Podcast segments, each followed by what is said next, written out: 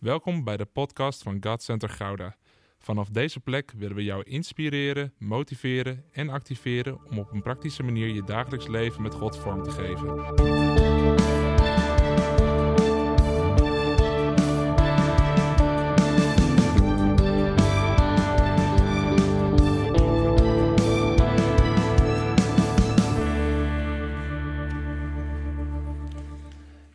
Ik had geen intro voor vandaag. Dat is makkelijk voor de preekschets. Maar hij is toch gekomen. Ik had geen intro voor vandaag. En dat is een beetje apart voor mij. Want ik zit altijd bordevol verhalen. In het kleine dat ik meemaak vind ik altijd een groot verhaal.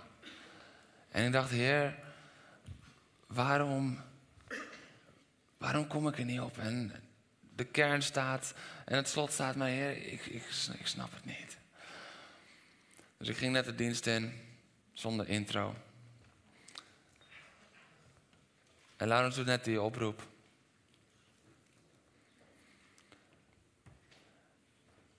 En ik was in aanbidding. En ik was gewoon met de Heer aan het praten. En een paar minuten na die oproep ervaar ik dat God zegt: Kijk eens goed, mijn zoon. En ik kijk en er zit één iemand. Eén iemand van de 450, bijna 500 waarmee we zitten, die iets op te ruimen heeft met God. En toen zei God: Daar is je intro. Want mensen leven liever zelf strijdend met hun vlees en het niet brengend bij mij, als dat ze open en eerlijk zijn. Mensen doen het liever zelf als dat ze zich overgeven aan mij.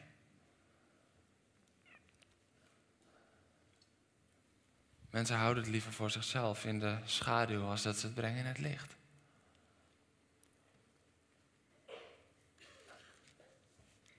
En toen zei ik, nou ja, dat vind ik niet zo'n leuk intro.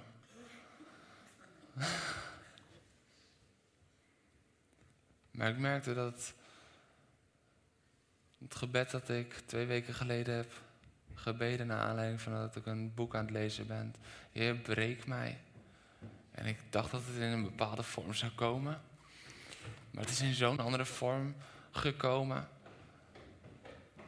Dat ik zo de gebrokenheid van Gods hart voel als mensen zijn oproep negeren.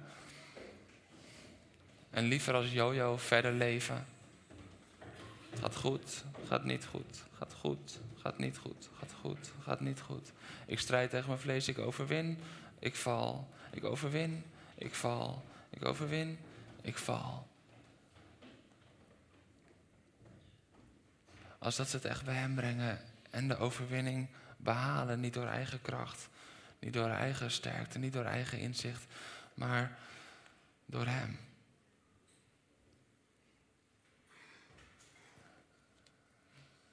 En lieve kinderen van God.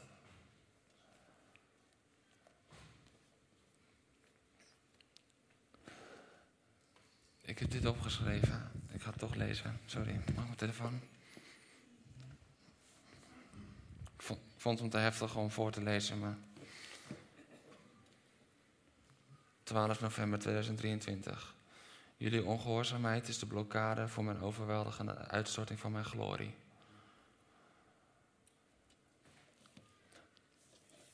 Heel eerlijk, ik voelde de hemelse boosheid over het lied dat we net zongen. We staan hier vol ontzag in uw glorie. Maar hoe kunnen we het hebben over dat we vol ontzag staan in zijn glorie? Als we niet bereid zijn om te komen met onze zwakte, met ons donker, met ons zonde. Niet om er een oordeel over te ontvangen, maar om doordrenkt te worden met zijn genade en verandering en vrijzetting in ons leven te ontvangen. Dit is niet een wettisch iets van, oh, er komt oordeel over je. Nee, maar je, je, je pakt de vrijheid die God voor je heeft, pak je niet.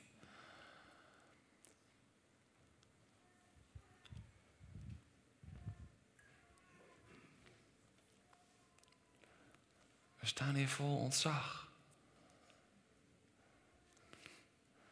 Ik denk overigens dat die tekst herschreven moet worden, want volgens mij als we echt vol ontzag zijn, kunnen we alleen nog maar liggen. Dus ik, ik stem om, ik lig hier vol ontzag ervan te maken. Ik ervaar wel Gods serieusheid hierover.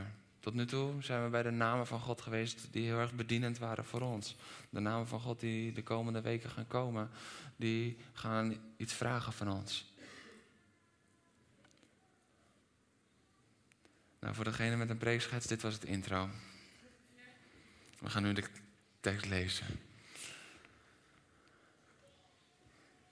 Exodus 17 mag je erbij pakken vanaf vers 8. En je mag gaan staan voor het woord van God. Als je je papieren bij, wil, bij hebt, roep amen als je er bent. En roep wacht even als je er nog niet bent. We wachten nog even. Exodus 17, waar we weer een nieuwe naam van de Heer gaan ontdekken. En die heeft alles te maken met dit intro, want dat heeft alles te maken met de strijd met het vlees, de strijd met de zonde, de strijd met onszelf. En we leren erin hoe kunnen we daarin winnen in de strijd. Vooral door hem zelf niet te strijden. We zijn aangekomen bij Exodus 17, vers 8. Is het inmiddels een integrale amen? amen? Kijk, iedereen is er. Dat is mooi. In Revidim werd Israël aangevallen door de Amalekieten. Toen zei Mozes tegen Jozua, kies een aantal mannen uit en trek met hen tegen Amalek ten strijde. Ikzelf zal morgen op de top van de heuvel gaan staan met in mijn hand de staf van God. Jozua deed wat Mozes hem had opgedragen en trok tegen Amalek ten strijde. En Mozes ging naar de top van de heuvel samen met Aaron en Hur. Zolang Mozes zijn arm geheven hield, was Israël de sterkste partij. Maar liet hij zijn armen zakken, dan was Amalek de sterkste. Toen Mozes' armen zwaar werden, legde Aaron en Hur een steen bij hem neer, zodat, ze, zodat hij daarop kon gaan zitten. Zelf gingen ze aan weerszijden van hem staan om zijn armen te ondersteunen. Daardoor konden zijn armen opgeheven blijven totdat de zon onderging. Toen zo versloeg Jozua het leger van Amalek tot de laatste man. De Heer zei tegen Mozes: Leg deze overwinning in een oorkonde vast, zodat niemand die ooit zal vergeten. En overtuig Jozua ervan dat ik ervoor zal zorgen dat niets op de aarde nog aan het volk van Amalek herinnert. Toen bouwde Mozes een altaar. En hij noemde het: De Heer is mijn banier. Yahweh Nissi, Jehovah Nissi. Hij zei, omdat Amalek de hand heeft durven opheffen tegen de troon van de Heer, zal de Heer strijd voeren tegen Amalek in alle komende generaties. Amen. Je mag gaan zitten. Mozes mocht tenslotte ook gaan zitten, dus jullie mogen ook gaan zitten.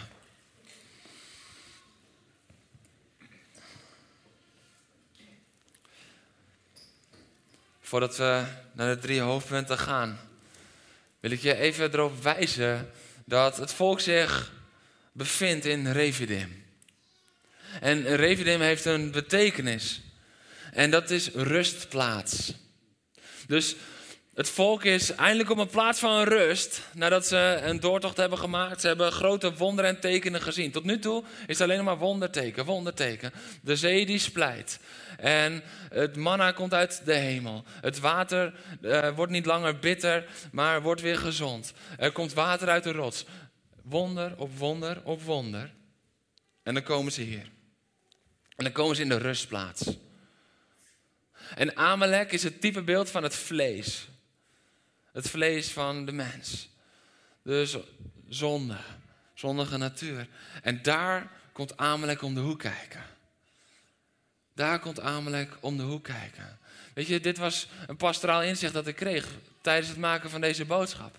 Wij denken altijd dat we mensen moeten begeleiden naar een rustplaats op het moment dat het niet lekker gaat met ze. Maar daar komt vaak het vlees om de hoek kijken. Je moet ze de aanwezigheid van de Heer inleiden, niet naar een rustplaats. En daar vind je echte vrede, daar vind je echte rust.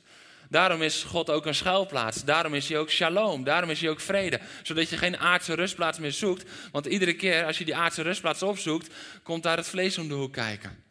Wie herkent het? Dat als je je aardse rustplaats opzoekt, dat je lekker zit te Netflixen, dat er op een gegeven moment films langskomen die je eigenlijk niet moet kijken. Maar je zit zo vast in je rustplaats dat je toch wel even blijft kijken. En dat je achteraf denkt, ja, had ik niet moeten doen. Maar de volgende avond denk je, zit je toch weer in die rustplaats en je zit er vast in en je gaat toch weer kijken. De rustplaats en het vlees, die gaan ontzettend nauw samen.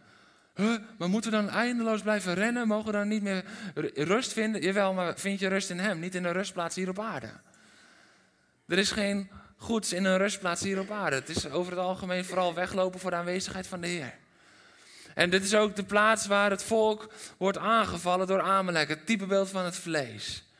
Dus alles wat we hierin in deze strijd lezen, moeten we ook zien als de strijd tegen de zonde, de strijd tegen het vlees.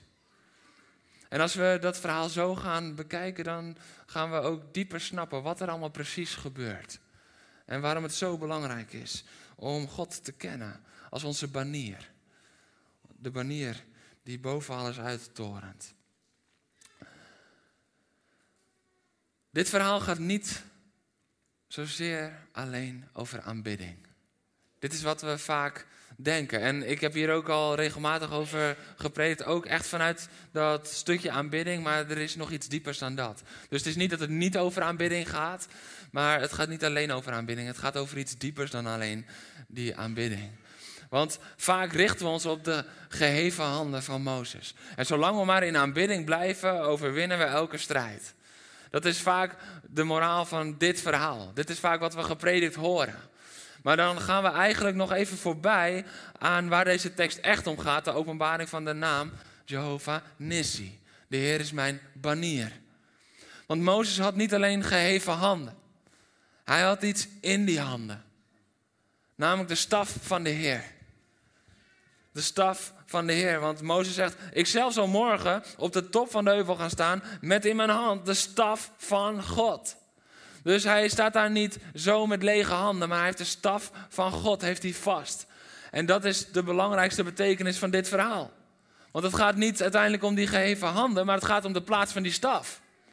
Het gaat om de plaats van de banier, God, in jouw leven. En als wij denken dat het alleen maar gaat om, oké, we moeten onze handen heffen op zondagochtend in aanbidding, want dat brengt overwinning. Nee, want je kan je handen heffen zonder de staf van God erin. De vraag is, hoe aanbid je? Met de staf van de Heer in je hand? Of is het gewoon een middel om maar te denken, dan kunnen we overwinnen. Maar op het moment dat Mozes die staf niet in zijn hand had, dan had de kracht van God daar heel anders doorheen gewerkt. Want hij moest die staf van de Heer moest hij in zijn hand houden. De kern van dit verhaal is de plaats van de staf van God. Is die in je hand? Of leg je hem weg? En dan gaan we vaak kijken van ja, hoe hoog de armen van Mozes waren, bepaalde de overwinning. Dus was hij nog helemaal fit, helemaal klaar voor? Oh ja, overwinning. Maar werden zijn armen zwaar, staat er, dan begonnen ze te verliezen. Werden ze armen moe, dan begonnen ze te verliezen. Maar het ging niet om die armen. Het ging om de plaats van die staf. Want als die staf opgeheven werd, de banier opgeheven werd, dan was daar overwinning. Maar op het moment dat die staf, de banier, Jehovah Nissi, als die naar beneden ging, dan had het een directe uitwerking in de strijd van het volk. Want wij kunnen het vlees niet overwinnen uit eigen kracht. Ik weet niet hoe het met jou zit, maar ik heb het vaak geprobeerd in mijn leven. Ik heb één getuigenis. Red je niet. Red je niet. We hebben de kracht van God nodig daarin. We hebben de aanwezigheid van God nodig om ons vlees te kunnen verslaan. We hebben de staf van God nodig. Weet je, die, die staf, die staat voor kracht, voor autoriteit en vertegenwoordiging van God. Maar de staf staat nog ergens voor. Namelijk ook ons getuigenis. Moet je opletten wat er in Jesaja 11 staat over die banier. Want op die dag zal de wortel van Isaïe er zijn. Die zal staan als een banier voor de volken. Dus hier is al het profetisch beeld van de wortel van Isaïe, de Heer Jezus zelf. Die zal niet alleen komen voor het volk Israël, nee, hij zal staan voor de volken. Dus Jesaja ontvangt hier al een beeld van hoe het zal zijn als Jezus komt. Niet alleen voor het eigen volk, maar voor alle volken zal hij staan. Naar hem zullen de heidenvolken vragen. Zijn rustplaats zal heerlijk zijn. Zijn rustplaats. Zie je dat je geen referendum nodig hebt als je onder de banier bent? Want daar vind je rust en vrede. Niet in het zoeken van een aardse rustplaats. En dat is ons getuigenis. Ons getuigenis is Jezus. Ons getuigenis is Jezus. En dan hoeven we niet meer zelf te vechten. Maar dat hoeven we niet tastbaar in ons hand te hebben. Maar ons getuigenis is Jezus. Dus daarin zien we ook dat als we onze handen opheffen naar Hem. En Hem alle eer. Dan is het eigenlijk als het ware alsof we die staf vasthouden. Want we wijzen naar Jezus. Denk niet dat aanbidding. Ja, waarom zegt die aanbiddingsleider altijd van uh, handen opheffen? Dan denk van man, ik heb gisteren geklust, ik ben moe, laat me lekker. Ja, dat zegt hij niet omdat het er mooi uitziet voor een foto. Maar het is beter voor je hart. Dat is waarom we bepaalde houdingen in aanbidding hebben. Zoals knielen. Als je knieën nog niet kunnen buigen voor de Heer, dan kan je hart dat ook niet. Tenzij er sprake is van iets lichamelijks. Hè? Begrijp me niet verkeerd. Dat wil ik altijd even. Maar dan overstijgt jouw buigende hart dat je dat lichamelijk niet kan. Maar als je het lichamelijk kan, maar je weigert het, denk je dat je hart dan wel bereid is? En zo is het ook met onze handen opheffen. Dat vragen we niet omdat het, omdat het een cultuur is die we mooi vinden of iets. Nee, het is een Bijbels principe. En daar houden we van. En daar maken we cultuur van. Omdat het een Bijbels principe is. Omdat het is God die het van ons vraagt. En man, wat kunnen we beter reageren op wat God van ons vraagt als wat we zelf graag willen. Dus het is belangrijk om dat te beseffen. En ons getuigenis is Jezus. En daarom moeten we Jezus hoog houden. Daarom moeten we hem hoog houden. Weet je, en ik was aan het bidden en ik dacht, Heer, wat, wat is de precieze betekenis van die, die houding? En, en waarom op, de, op het moment dat ze arm, want het is toch logisch dat ze arm en moe worden op het gegeven moment. Waarom ging het dan mis? En dit is de openbaring die God met me deelde. Hij zat op het moment dat de staf, je getuigenis, je overgave aan God, als die boven je hart en je hoofd is, is je op de plaats waar het hoort. Maar op het moment dat de armen moe worden en we laten die staf zakken, dan is ons denken op het gegeven moment weer hoger als ons getuigenis. Dan is ons denken op het gegeven moment weer hoger als de autoriteit van de Heer. Dan is ons denken uiteindelijk weer hoger als dat we Hem toelaten om de strijd te leveren. En dan gaan we het weer met ons denken doen. En als we ons denken boven God plaatsen, dan weten we denk ik inmiddels allemaal wat eruit komt. Geen zegen. En als het dan heel moe is, dan komt het ook nog boven ons hart. Dus dan, dan zeggen we ook nog van ja, maar onze emoties die mogen er in die zin gewoon zijn. En onze frustratie en onze dit. Maar ze mogen er wel zijn, maar ze mogen je niet leiden. Ze mogen er zijn om bij de Heer te brengen. Ze mogen er zijn om getroost te worden. Maar op het moment dat de staf lager is als jouw hart, word je er niet meer door getroost, maar ga je God verwijten maken over de pijn die je voelt. Daarom is het zo essentieel dat die handen geheven blijven. Dat is de staf van God op de juiste plaats. Dat is wat echte aanbidding doet. Dat is waarom een worshipleider kan vragen: laten we onze handen opheffen met elkaar. En dat is waarom ik ten diepste ook nog steeds geloof dat we veel expressiever moeten zijn, ook als het woord open gaat. Want waarom alleen als we het zingen op een fijne melodie, maar als het woord lekker als een scherp snijdend zwaard aan twee kanten je hart doordringt, als je dan je handen in de lucht doet, dan zeg je ook gewoon: Heer, ik geef me over hier aan. Heer, oké, u mag doordringen. Heer, uw aanwezigheid boven mijn denken, boven mijn gedachten. Maar we zitten zo vaak gevangen in onze eigen maniertjes. En onze eigen maniertjes houden ons weg bij de overwinning op ons vlees.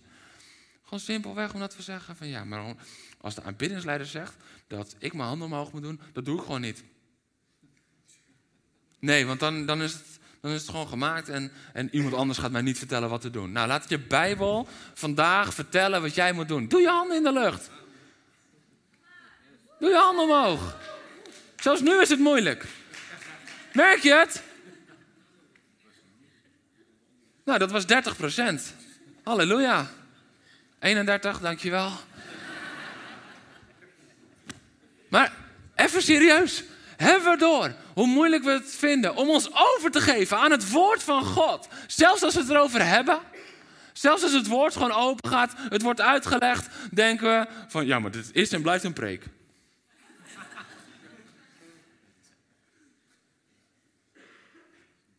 Ik geloof echt dat God je wil spiegelen vandaag. Dan laat je niet door mensen vertellen wat je moet doen, maar laat je alsjeblieft wel door Hem vertellen wat je moet doen. Of blijf in jojo. Maar ik gun je om jojo af te zijn. Ik gun je die vrijheid in God.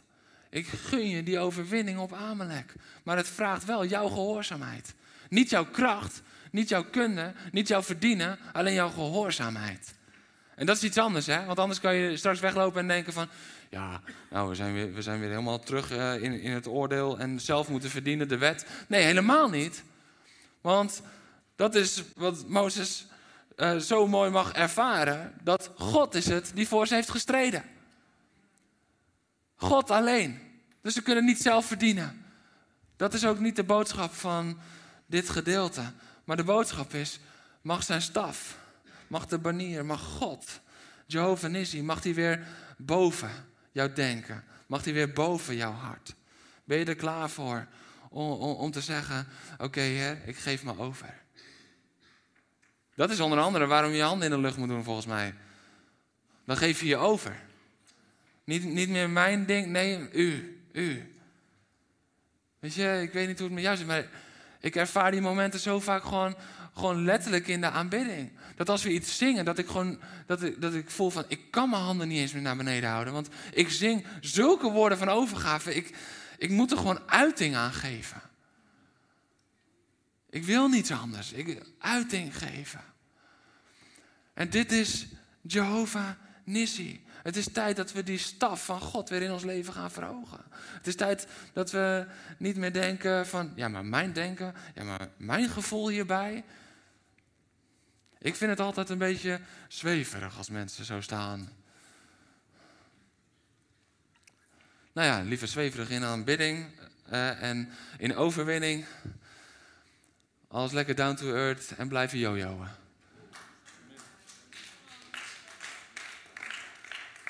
De overwinning is dichterbij als dat je denkt hoor. Echt waar. Het ligt in je overgave. Het ligt in je overgave. Jezus, de banier, staat voor de volken. Dit is niet alleen het verhaal van het volk Israël in, in de woestijn. Maar Jesaja 11 legt het zo diep en zo mooi neer. Hij staat voor de volken als een banier. En, en de heidevolken zullen naar hem toe komen. Zullen naar hem vragen. Dit is God. Die zegt, ik ben niet alleen van Israël de God, nee, maar van alle volken. Want door Jezus is het bereikbaar geworden, beschikbaar geworden voor alle volken. Dit is de liefde van God.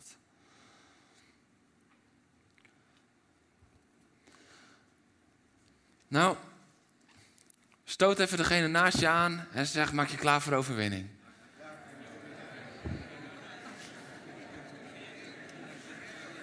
En, en nu ook de andere die je net hebt genegeerd. Zeg even, klaar, maak je klaar voor overwinning. En sorry. En sorry.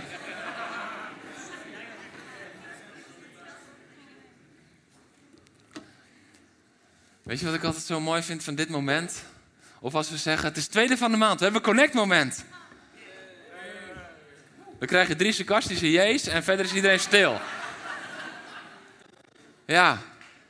En weet je wat, wat altijd zo interessant is? Mensen zitten dan opeens wanhopig in hun tas te zoeken naar helemaal niets. Opeens hebben ze hun papieren Bijbel gevonden en denken ze: Oh, ik heb echt, eh, ik moet even goed lezen. Is het moment al voorbij? Nee, oké. Dit is wat we doen. Komen we uit aanbidding. Opeens gaan die handen in de lucht. Nee, ik ben niet bereikbaar. Ik sta nog zo.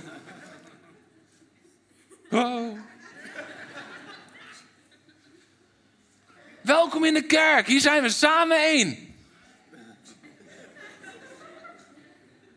Als ik me niet met iemand op te praten tijdens de dienst. Want na de dienst kan ik opzoeken wie ik leuk vind. Maar tijdens de dienst zit ik naast iemand die ik niet ken.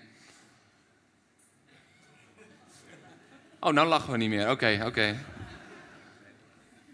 Dat is waar, hè? Als we grapjes maken, lachen we. Als de waarheid, dan worden we stil.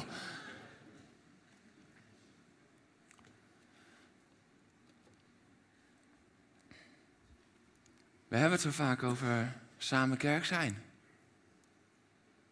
Eenheid. Het is belangrijk om elkaar te zien. Maar in de dienst gebeurt er iets in ons hart. En dan denken we, nee, maar ik kom alleen voor de Heer. En dat klinkt nog heel heilig ook, hè? En ik wil ook niet dat je voor mensen komt, maar Jezus wil wel dat je er voor je naaste bent. Tuurlijk komen we hier voor de Heer. Maar Jezus wil dat je er voor je naaste bent. Dat is gelijk wat hij zegt. Het Heere God lief boven alles en uw naaste, boem, als uzelf. Direct erop volgend. Hij zegt niet van, en dan later bij de koffie. Heb u naaste lief? Nee, het is gewoon bam, achter elkaar door. Heb God lief en je naaste. En, maar dit is wat we zo vaak doen. Stel je voor dat Aaron en Hur onze houding hadden gehad. Had het volk Israël zo in de pan gehakt door Amalek. Want dan stonden ze wel naast hem, maar dan hadden ze niks gedaan. Mozes. Aaron. Kom Hur. Mozes. Dus Mozes staat daar met zijn handen in de lucht. Wacht, het heeft hij gelekt. Een zweetdruppeltje, omdat hij al heel lang staat. Nee, en Aaron en hun die staan wel naast hem. Maar die zitten met de mindset die wij in de kerk hebben. Dus die kijken gewoon zo naar, naar, naar het dal en die denken, nou, gaat niet echt lekker. Gaat, gaat, niet echt lekker. En dan, kijk maar naar het dal. Daar zijn ze aan het vechten. Ja. En Mozes, jongen, die wordt moe. Moe. En Aaron en die blijven vooruitkijken. Oh, ik kan niet meer, denkt Mozes. Ik... Uh, oh. Oh. En... Uh, jij was Aaron, hè? Ja. Die, ja. Ja. Hur, ja. En Aaron, die staat daar en die denkt van... Nou, dat gaat niet zo lekker met het volk. Jongen, jongen, jongen. Die Jozef was ook een aanvoerder van niks. Jongen, jongen, jongen, jongen. En Hur, die, die staat ook lekker in zijn eigen kokonnetje. En die denkt van, ja, sta ik hier op de berg. Ik had ook gezellig met mijn vrouw een kopje thee kunnen drinken. Dus, de, dus die zit ook in zijn eigen wereld. En ondertussen wordt het volk in de pan gehakt door het vlees. En we staan er lekker naast. En we staan wel op de positie waar we gesteld zijn, maar we doen niet waar we toe gemaakt zijn. Maar gelukkig lezen we iets anders. Want Mozes kan niet meer. En Mozes vraagt nergens om. Maar toen Mozes' armen zwaar werden, toen pakte ze een stoel.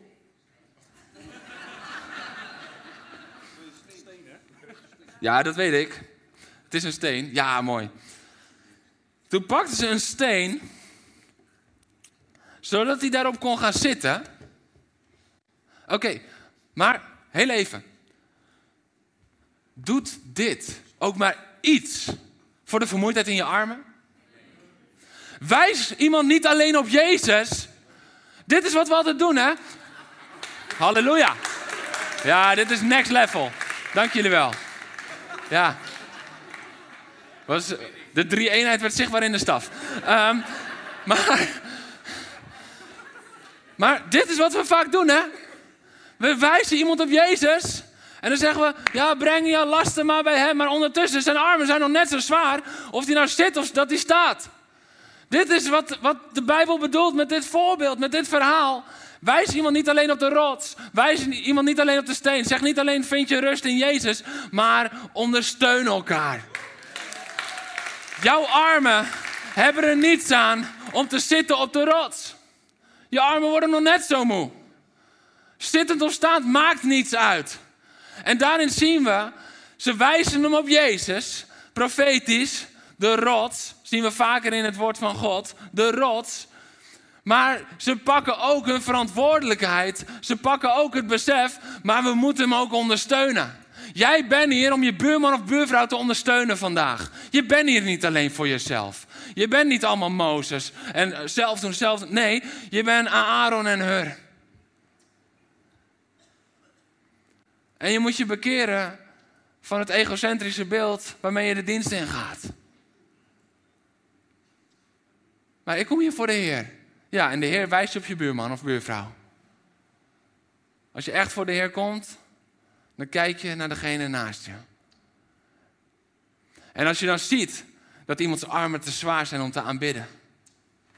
Wacht niet altijd op de vraag. Mozes vroeg je niks. Maar toen zijn armen zwaar werden, dat wordt altijd uiterlijk zichtbaar. Jij ziet het als iemands armen zwaar zijn. Alleen de vraag is, ga je erop in of negeer je het? Maar je ziet het. Je ziet het 100%. Je ziet het als iemand in tranen is. Pak iemands hand en hef hem omhoog. Weet je, dat vind ik ook zo mooi. Wat ze deden is ze armen ondersteunen. Ze hadden niet zoiets van, ach, Mozes, gaat het? Zullen we een broodje voor je? Zullen we een dekentje voor je? Of wat, watertje? Nee, ze deden wat nodig was om uiteindelijk te zorgen voor de overwinning. En dit is wat we moeten beseffen. Overwinnen op het vlees doen we in Jezus, maar niet alleen. Hij rustte op de rots, maar niet alleen. Want dan waren zijn armen nog net zo moe geworden. De rest van de preek mogen jullie zo blijven staan. Halleluja. Jezus is de rots. Jezus is de rots. Maar de banier hou je samen omhoog. Die hou je samen omhoog. Dus ook als we hier met elkaar aan het aanbidden zijn. Als we hier met elkaar kerk zijn. Want we zijn de kerk. We gaan niet naar de kerk, we zijn de kerk. Dan betekent dat dat we dat met elkaar moeten doen. En dat we oog moeten hebben voor elkaar. Het kan niet zo zijn dat er iemand naast jou in gebrokenheid zijn armen niet meer omhoog krijgt. En dan bedoel ik niet alleen letterlijk, hè, maar dat je ziet dat iemand niet meer tot overgaat, tot aanbidding kan komen. Gewoon door de last waaronder iemand gebeurd gaat, de vermoeidheid, de teleurstelling, de pijn, noem maar op. En, en dat jij denkt van, maar ik heb een heerlijke zondag gehad. Het was fantastisch. De Heer was bezig. Halleluja. Mijn stem slaat er van over. Al een tijdje. Hoe kan het zijn dat je zo zondagmiddag naar je familie gaat en zegt: Wow! En dat er ergens anders iemand alleen teruggaat en zegt: Ik had zo gehoopt gezien te worden, maar ik ben weer niet gezien.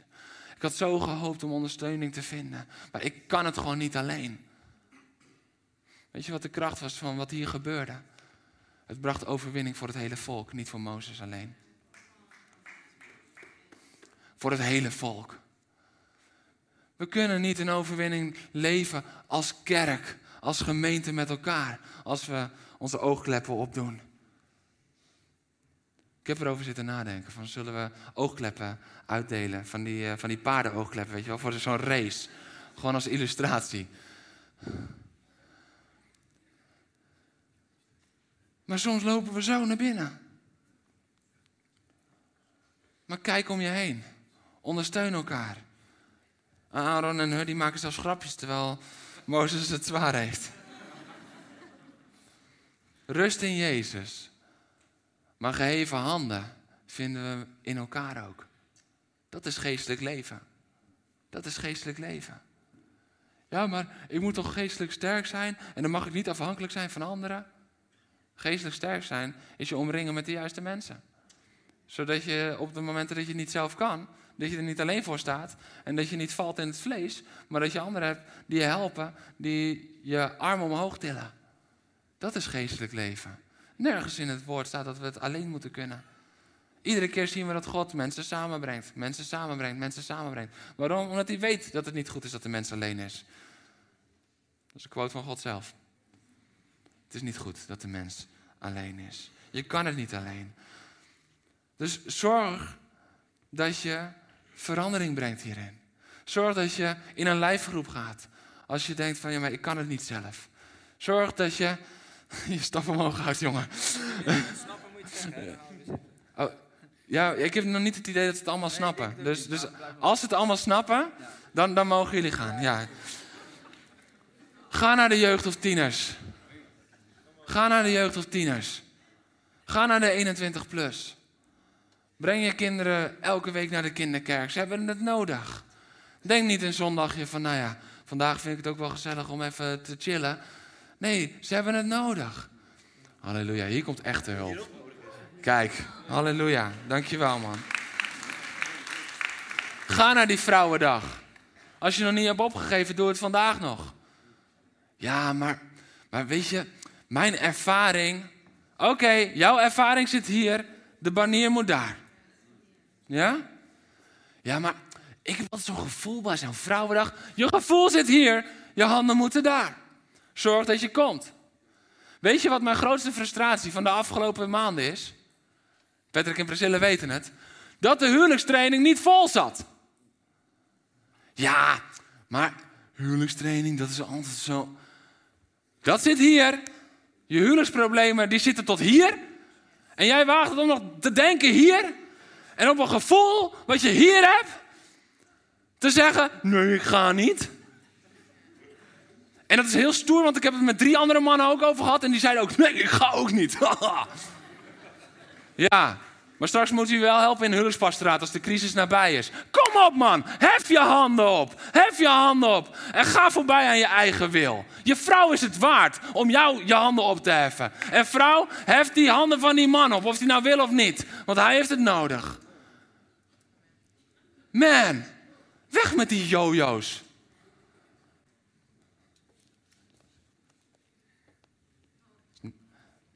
Mooi nieuw woord, jojo's.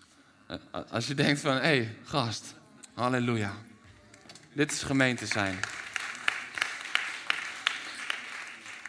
En wat er dan staat is, de Heer zal de strijd voeren. De Heer zal de strijd voeren. De Heer plaatst mensen naast je, maar Hij zal de strijd voeren. Want daar in het dal, dat is wat Hij deed. Het was natuurlijk niet zo dat op het moment dat Mozes zijn armen naar beneden deed, dat Jozua opeens een minder goede legeraanvoerder was. Tuurlijk niet. Hij trok gewoon te strijden met de mannen. En wat er dan gebeurt, is dat God de strijd voert. God doet het bovennatuurlijke. God is degene die vrijzet. Niemand anders kan dat doen. En we moeten stoppen met zelf zo fanatiek strijden. Want dat is dat beeld van als die handen naar beneden gingen. Onder het hart, onder het hoofd kwamen. Dan zijn we zelf aan het strijden. En zo vaak zijn we zelf aan het strijden. Zo vaak zijn we, nee maar ik moet dat verslaan. Ik moet dit doen. Ik weet nog dat ik als jongen van 13, dat ik in aanraking kwam met zelfbevrediging.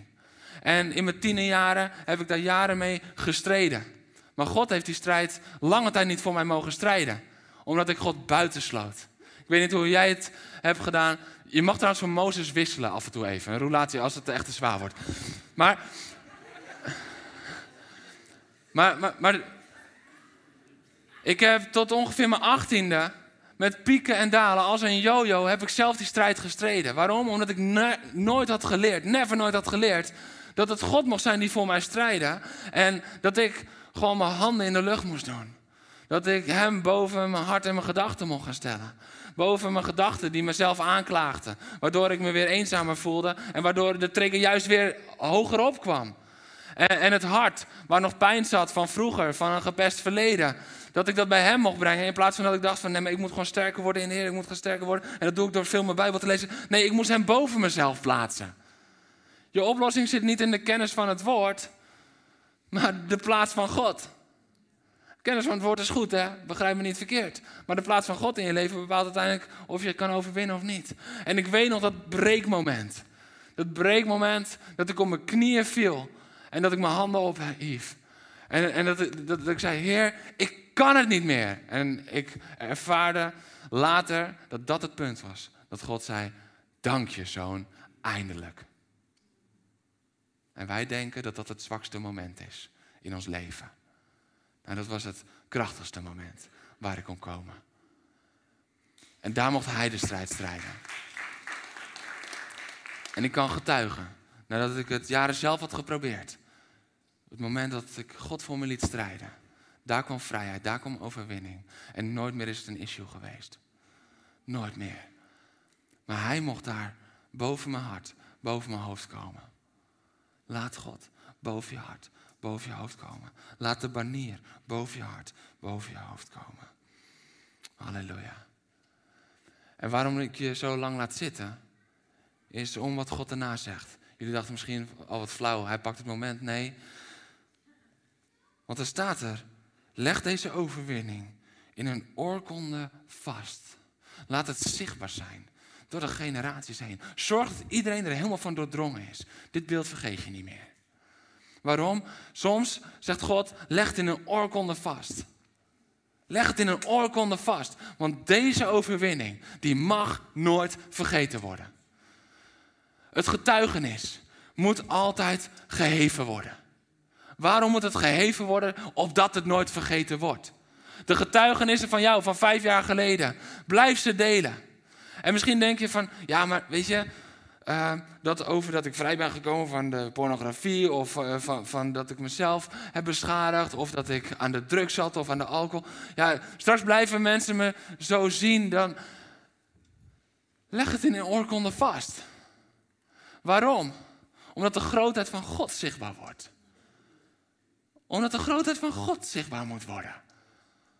Daarom moeten we altijd vrijmoedig over ons verleden blijven praten. Niet vol trots over ons verleden. Dat is een verkeerde houding. Als je gaat, uh, weer vol trots over uh, je criminele activiteiten gaat praten en een beetje stoer erover gaat doen, dan is er geen echt berouw. Nee, maar als je dat doet om de Heer te verheerlijken, om God te verhogen en om te laten zien, Hij alleen, niemand anders kon me daaruit trekken als Hij alleen. Oh man, leg in een oorkonde vast. Laat het het getuigenis van je leven zijn. Dat het vlees verslagen is. Niet door je eigen werk, maar door Gods ingrijpen. Door niemand anders dan Hij alleen. Niemand mag dit ooit vergeten. En weet je wat dan zo mooi is? Dat hij zei, omdat Amalek, zei Mozes, de hand heeft durven opheffen tegen de troon van God. Het vlees durft de hand wel op te heffen in jouw leven. Het vlees heft de hand op. Dus als wij onze handen niet gaan opheffen, doet het vlees het wel. Komen in een rustplaats, dan gaat het vlees gaat zijn hand opheffen tegen de troon van God in ons leven. Dus uiteindelijk is er altijd is er wel een opgeheven hand. Maar welke hand is opgeheven? De hand van Amalek in je leven? Of is het jouw hand die zegt de staf van God? Yahweh Nissi, de banier, moet hoog geheven zijn zodat die opgeheven hand gebroken wordt. Maar andersom werkt het ook zo. Dat op het moment dat we Amalek de hand maar laten opheffen, dat deze arm gebroken wordt. Deze arm. En misschien zit je daar nu wel. Dat je zegt van ja, die aanbidding, dat is al zo'n tijd geleden dat ik dat echt vol overgave heb kunnen doen. Dat ik me echt helemaal heb kunnen geven.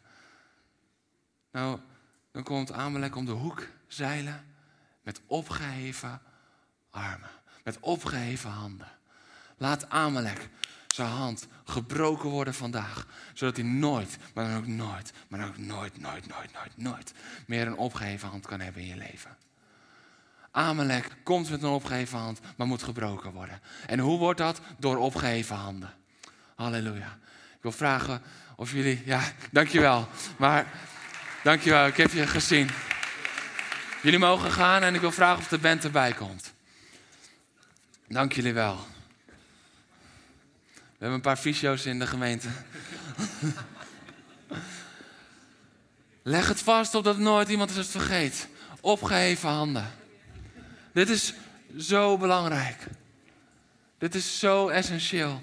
Dat we de banier gaan heffen in ons leven. Dat we het getuigenis de, de autoriteit en de kracht van God, dat we die gaan heffen in ons leven. Niet meer op eigen kracht. Niet meer op eigen kracht. Niet meer vanuit ons eigen denken. Oh, maar ik denk hier anders over. Ja, maar de Heer denkt er anders over dan jij. Volg de Heer.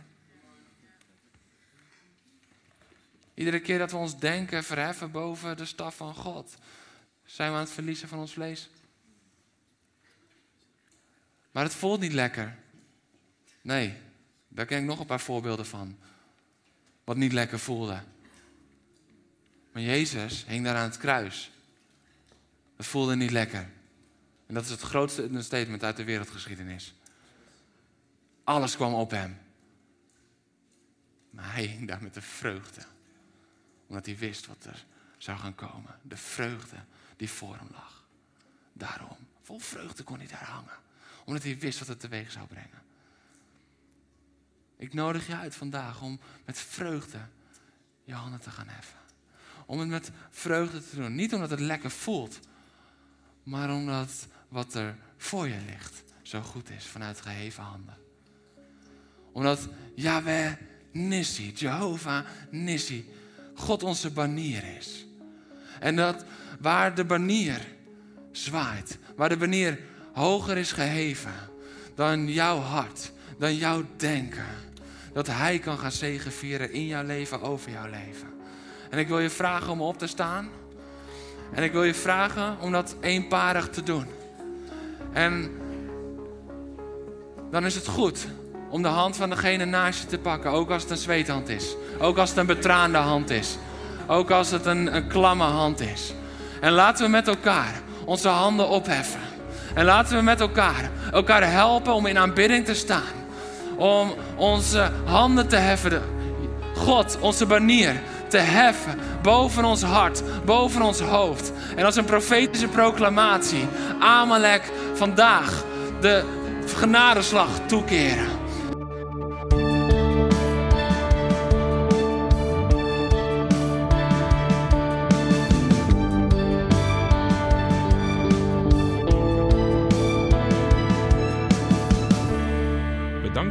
Naar deze podcast. Volg ons op onze kanalen om verbonden te blijven. Heeft deze aflevering jou geraakt? Deel dan op je socials en tag ons, zodat we samen meer mensen kunnen bereiken.